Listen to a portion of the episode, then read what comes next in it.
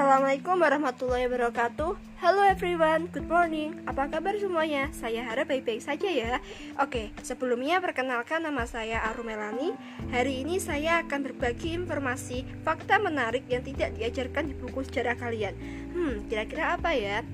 Yes, sesuai dengan judulnya terbongkarnya fakta kerja paksa Dendles Pasti kalian sudah tidak asing lagi bukan mendengar kata itu? Yap, itu yang kalian sebut kerja roti pada masa pemerintahan Dendles. Apa sih kerja roti itu? Kerja roti adalah sebuah kebijakan pemburuan yang diterapkan pada masa kolonial kol India Belanda di Nusantara. Kebijakan ini diterapkan pada kurun waktu antara tahun 1808 hingga tahun 1811, yaitu pada masa jabatan Gubernur Jenderal Herman William Dendles. Siapa sih Herman William Dendels Herman William Dendels merupakan gubernur jenderal Hindia Belanda ke-36 yang berkuasa pada tahun 1808 sampai 1811. Pada masa itu, Belanda sedang dikuasai oleh Prancis dan pengangkatan Dendels sebagai gubernur jenderal oleh Raja Belanda Louis Bonaparte atas saran Kaisar Napoleon Bonaparte dalam buku sejarah Dendels dikenal memerintah dengan tangan besi dan memerintahkan kerja paksa untuk membangun jalan Anyer Panarukan yang dikenal dengan jalur Dendles. Bahkan ada jalur pantai selatan Pulau Jawa antara Yogyakarta sampai Cilacap juga dikenal dengan jalur Dendles.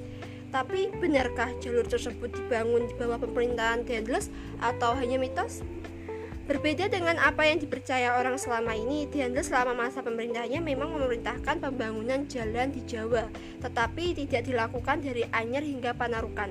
Sebagaimana dikutip Wikipedia, jalan antara Anyer dan Batavia sudah ada ketika Diandra tiba.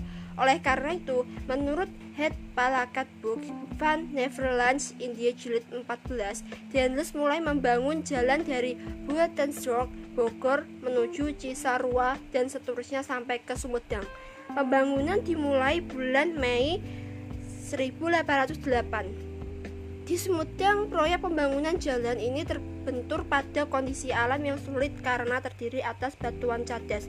Akibatnya, para para pekerja menolak melakukan proyek tersebut dan akhirnya pembangunan jalan macet. Akhirnya Pangeran Kolonel turun tangan dan langsung menghadap Dendles untuk meminta pengertian atas penolakan para pekerja. Ketika mengetahui hal ini, Dendles memerintahkan koman, komandan pasukan Zeni Brigadier Jenderal von Lützow untuk mengatasinya. Berkat tembakan artileri, Bukit Padas berhasil diratakan dan pembangunan diteruskan hingga Karang Sambung. Sampai Karang Sambung, proyek pembangunan itu dilakukan dengan kerja upah Para bupati pribumi diperintahkan menyiapkan tenaga kerja dalam jumlah tertentu dan masing-masing setiap hari dibayar 10 sen per orang dan ditambah dengan beras serta jatah garam setiap minggu. Setibanya di Karang Sambung pada bulan Juni 1808 dana 30.000 gulden yang disediakan Dendles untuk membayar tenaga kerja ini habis dan di luar dugaannya tidak ada lagi dana untuk membiayai proyek pembangunan jalan tersebut.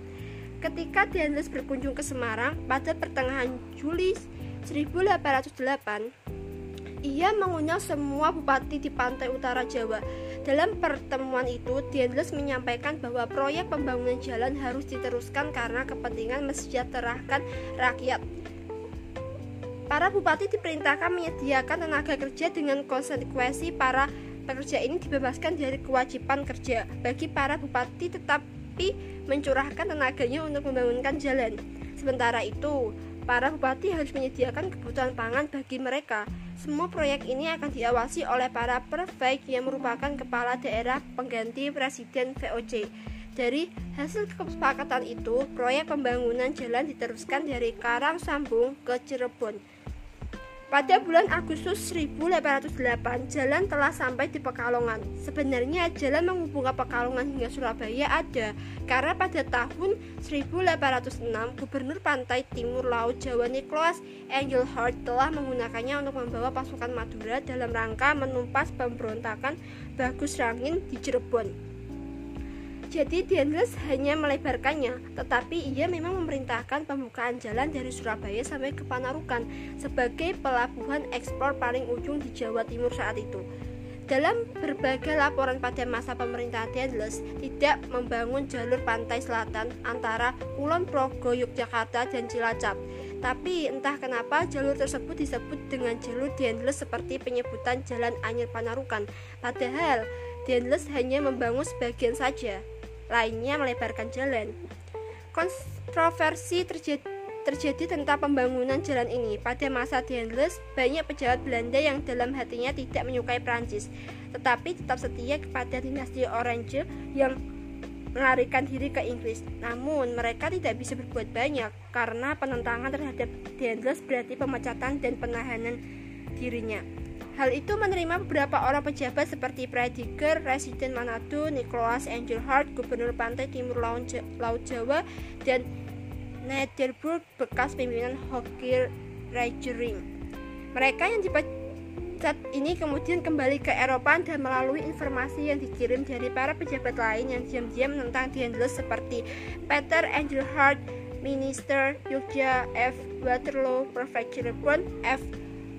Rochette gubernur ujung timur Jawa, mereka menuliskan keburukan Dendles. Di antara tulisan mereka terdapat proyek pembangunan jalan raya yang dilakukan dengan kerja rodi dan meminta banyak korban jiwa. Sebenarnya mereka sendiri tidak berada di Jawa ketika proyek pembangunan jalan ini dibuat. Ini terbukti dari penyebutan pembangunan jalan antara Anyer dan Panarukan. Padahal Dendles membuatnya dimulai dari Butensrock. Sayang sekali arsip-arsip mereka lebih banyak ditemukan dan disimpan di arsip Belanda sementara data-data yang dilaporkan oleh Dendels atau para pejabat yang setia kepadanya seperti J. A. Van Bram, Minister Sur Surakarta tidak ditemukan kecuali tersimpan di Prancis karena Dendels melaporkan semua pelaksanaan tugasnya kepada Napoleon setelah penghapusan kerajaan Belanda pada tahun 1810. Sejarawan Indonesia yang banyak mengandalkan informasi dari arsip Belanda ikut berbuat kesalahan dengan menerima kenyataan pembangunan jalan antara Anyer Panarukan melalui kerja roti. Konservasi lain yang menyangkut pembangunan ini adalah tidak pernah disebutkannya manfaat yang diperoleh dari jalan tersebut oleh para sejarawan dan lawan-lawan Dendles. Setelah proyek pembuatan jalan itu selesai, hasil produk kopi dari pedalaman Priangan semakin banyak yang diangkut ke pelabuhan Cirebon dan Indramayu, padahal sebelumnya tidak terjadi. Dan produk itu membusuk di gudang-gudang kopi Sumedang, Limbangan, Cisarua, dan Suka, Sukakat. Begitu juga dengan adanya jalan ini. Jarak antara Surabaya sampai Batavia yang sebelumnya ditempuh 40 hari bisa disingkat menjadi 7 hari. Ini sangat bermanfaat bagi pengiriman surat yang yang oleh Dendles kemudian dikelola oleh dinas dinas pos. Nah, begitu teman-teman, sebenarnya kerja roti ini tidak sepenuhnya kerja paksa. Den Denles memberikan upah kepada para para pekerja lewat para bupati akan tetap tapi para bupati tidak menyerahkan alias korupsi. Wah, ternyata korupsi sudah ada sejak dulu ya. Oke, sekian dari saya. Kalau ada kesalahan mohon maaf. Jaga kesehatan dan jangan lupa bahagia. See you.